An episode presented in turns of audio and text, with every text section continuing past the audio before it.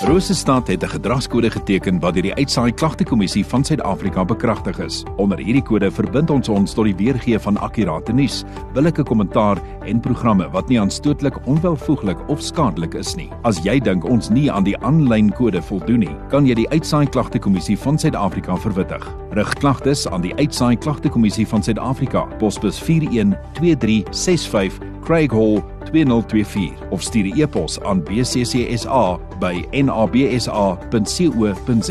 Vir verdere inligting, besoek www.bccsa.co.za.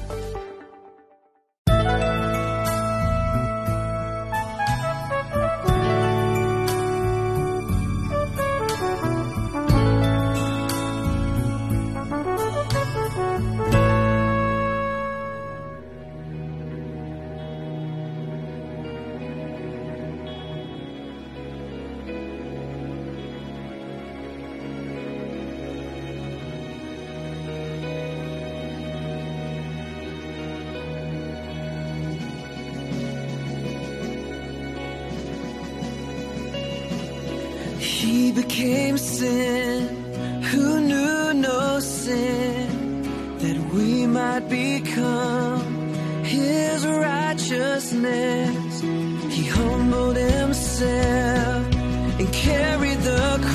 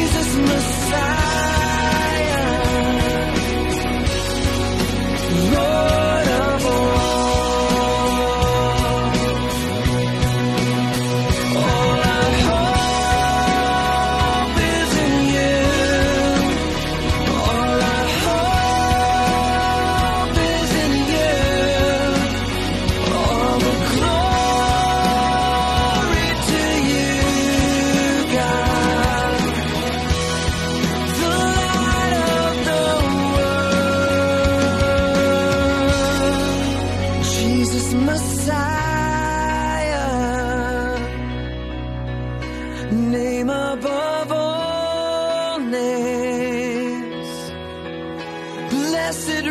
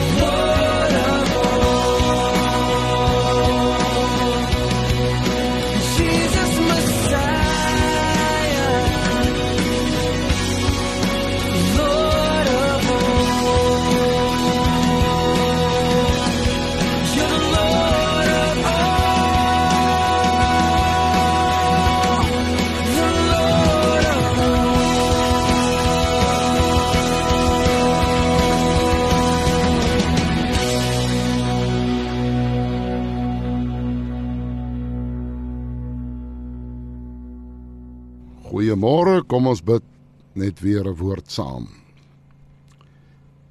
Here, dankie vir die kosbare voorreg dat ons nou weer ons fokus op U kan kom plaas.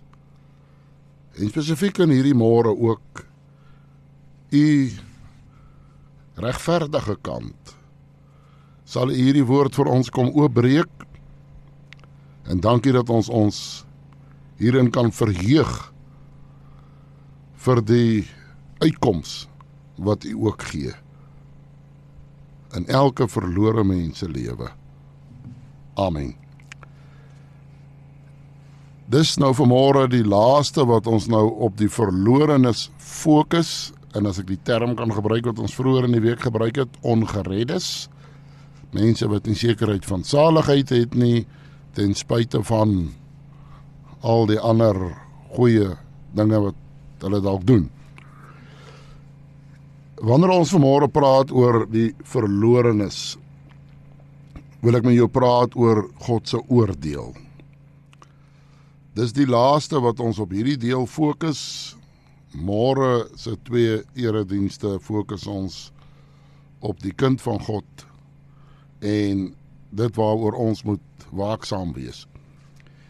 Maar ons het nou hierdie hele week gekom en gepraat oor 'n klomp aspekte van verlorenheid en nou is dit hierdie deel God se oordeel van die verlorenes.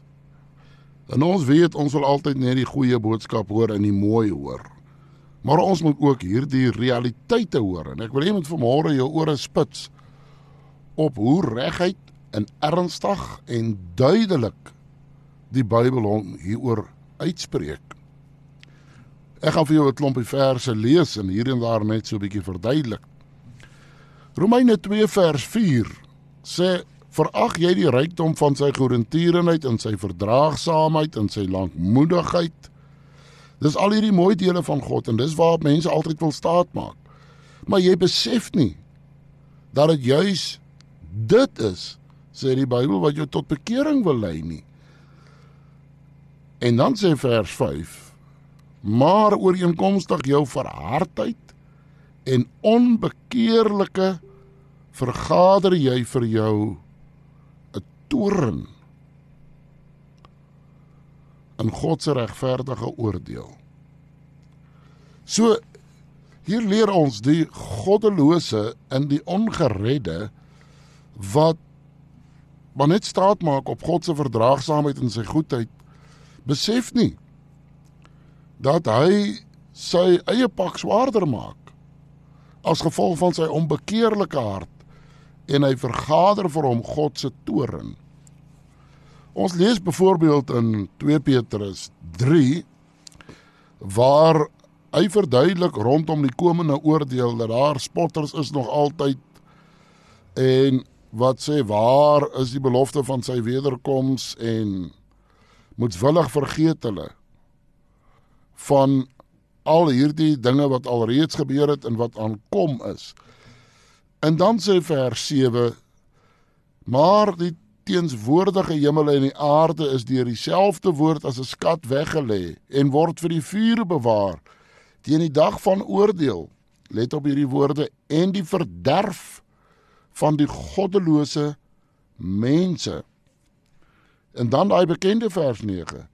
Die Here vertraag nie die belofte so sommige dit vertraging ag nie. Maar hy is lankmoedig oor ons en wil nie hê dat sommige moet vergaan nie, maar dat almal tot bekering moet kom. So God kry nie lekker wanneer hy vir ons waarsku oor sy oordeel nie. Hy doen alles om ons daar uit te kry. Hy doen alles van sy kant af om dat ons dit nie moet beleef nie. En dan kom hierdie harde werklikheid. As jy onder die oordeel van God staan, is daar geen uitkoms nie. Die verlorene het geen uitkoms na die dood nie wanneer hy voor God gaan staan nie. 1 Tessalonisense 5:3 sê dat hierdie oordeel sal op hulle afkom 'n skielike verderf soos 'n baringsnoot 'n swanger vrou. Hulle sal sekerlik nie ontvlug nie. Met die beklemtoning op daai woorde, hulle sal nie ontvlug nie. Hoor hoe beskryf Openbaring 20 vers 11 en 12 dit. Ek het 'n groot troon gesien en hom wat daarop sit, voor wie se aangesig let hierdie ergere woorde, die hemel en die aarde weggevlug het. Daar geen plek vir hulle gevind is nie. Vers 12 sê: het die dode klein en groot voor God sien staan. Die komende oordeel vir die verlorene het nie 'n opsie 2 nie. Daar is nie versagtende omstandighede nie. Daar is nie 'n plan B nie. Daardie staat van verlorenheid moet in hierdie lewe verander word. Dit moet verander word van verlore na gered toe. Die hartseer is die wat meer met die evangelie bekend is. Die wat die evangelie gehoor het tot vervelings toe, wat daarmee groot geword het, staan nog onder 'n groter gevaar. Let op hierdie afgryslike beskrywing van Hebreërs 10 vers 27 tot 31. 'n Verskriklike verwagting van oordeel en vuurgloed wat die teestander sal verteer. En nou gebruik hy 'n voorbeeld. Hy sê: As iemand die wet van Moses verwerp het, dan sterf hy sonder ontferming is die woorde, sonder ontferming op die getuienis van 2 of 3. Nou vra hy: Nou hoeveel swaarder straf dink julle sal hy verdien? Wat die seun van God vertrap het, die bloed van die Nuwe Testament onrein geag het, die gees van genade gesmaad het. Hoe gaan hy wegkom? En dan sê vers 31: Vreeslik is dit om te val in die hande van 'n lewende God. As ons praat oor die hemel, wil almal graag soontoe gaan as 'n lekker plek, 'n aangename plek om te wees. Niemand sê ek wil nie hemel toe gaan nie. Maar praat jy oor die hel en die afgryslikheid van die hel, dan wil niemand niks daarvan weet nie. Hulle is nie van plan om soontoe te gaan nie, maar hulle wil ook nie daaroor praat nie. Die realiteit is God se oordeel is die laaste bruggie. Dit maak die pad oop waar God se finale oordeel vir 'n ewigheid sal bly duur vir hulle wat verlore gaan.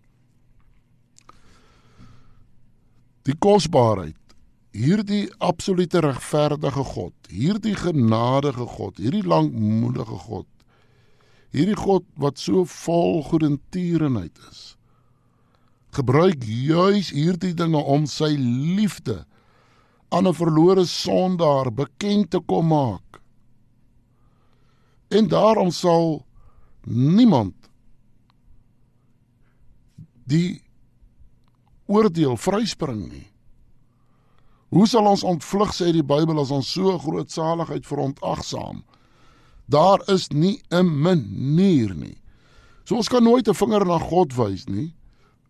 God het alles moontlik gedoen om by elke verlorene te kom pleit vir sy ewige bestemming. Dis die mens wat nie hierop reageer nie. Dis die mens wat verlore is wat nie van hierdie aanbod gebruik maak om die ewige verdoemenis vry te spring nie. Mag die Here die werklikheid van hierdie harde woorde gebruik om vandag 'n hart te verkrummel wat kliphard is wat verhard is, wat verbitterd is, wat kwaad is vir God. En dat jy sy lankmoedigheid en sy genade met jou sal raak sien dat hy vir jou 'n nuwe lewe wil skep voordat dit te laat is. Kom ons bid. Here, dankie dat dit nie net u oordeel is nie, maar voor daardie oordeel kom staan u by elke liewe mens stil en niemand sal ooit kan sê ek het nie geweet nie. Ek het nie 'n kans gehad nie. En dankie vir u absolute regverdigheid om vir elke mens 'n regverdige geleentheid te gee om hulle saak met u te skik. Amen.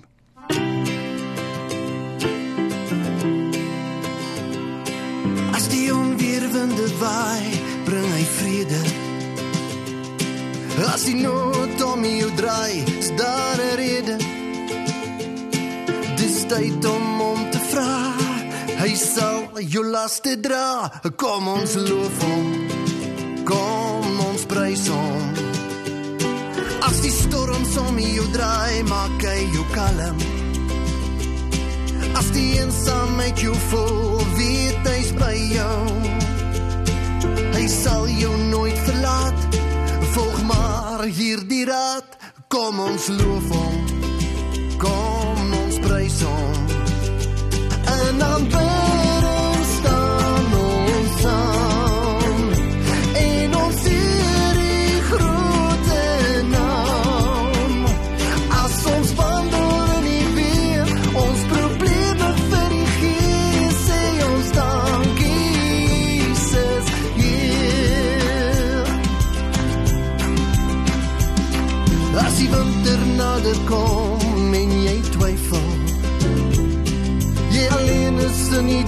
Donker en jy struikel Hou vas aan die woord. In geloof gaan ons voort. Kom ons loop hom Kom ons prys hom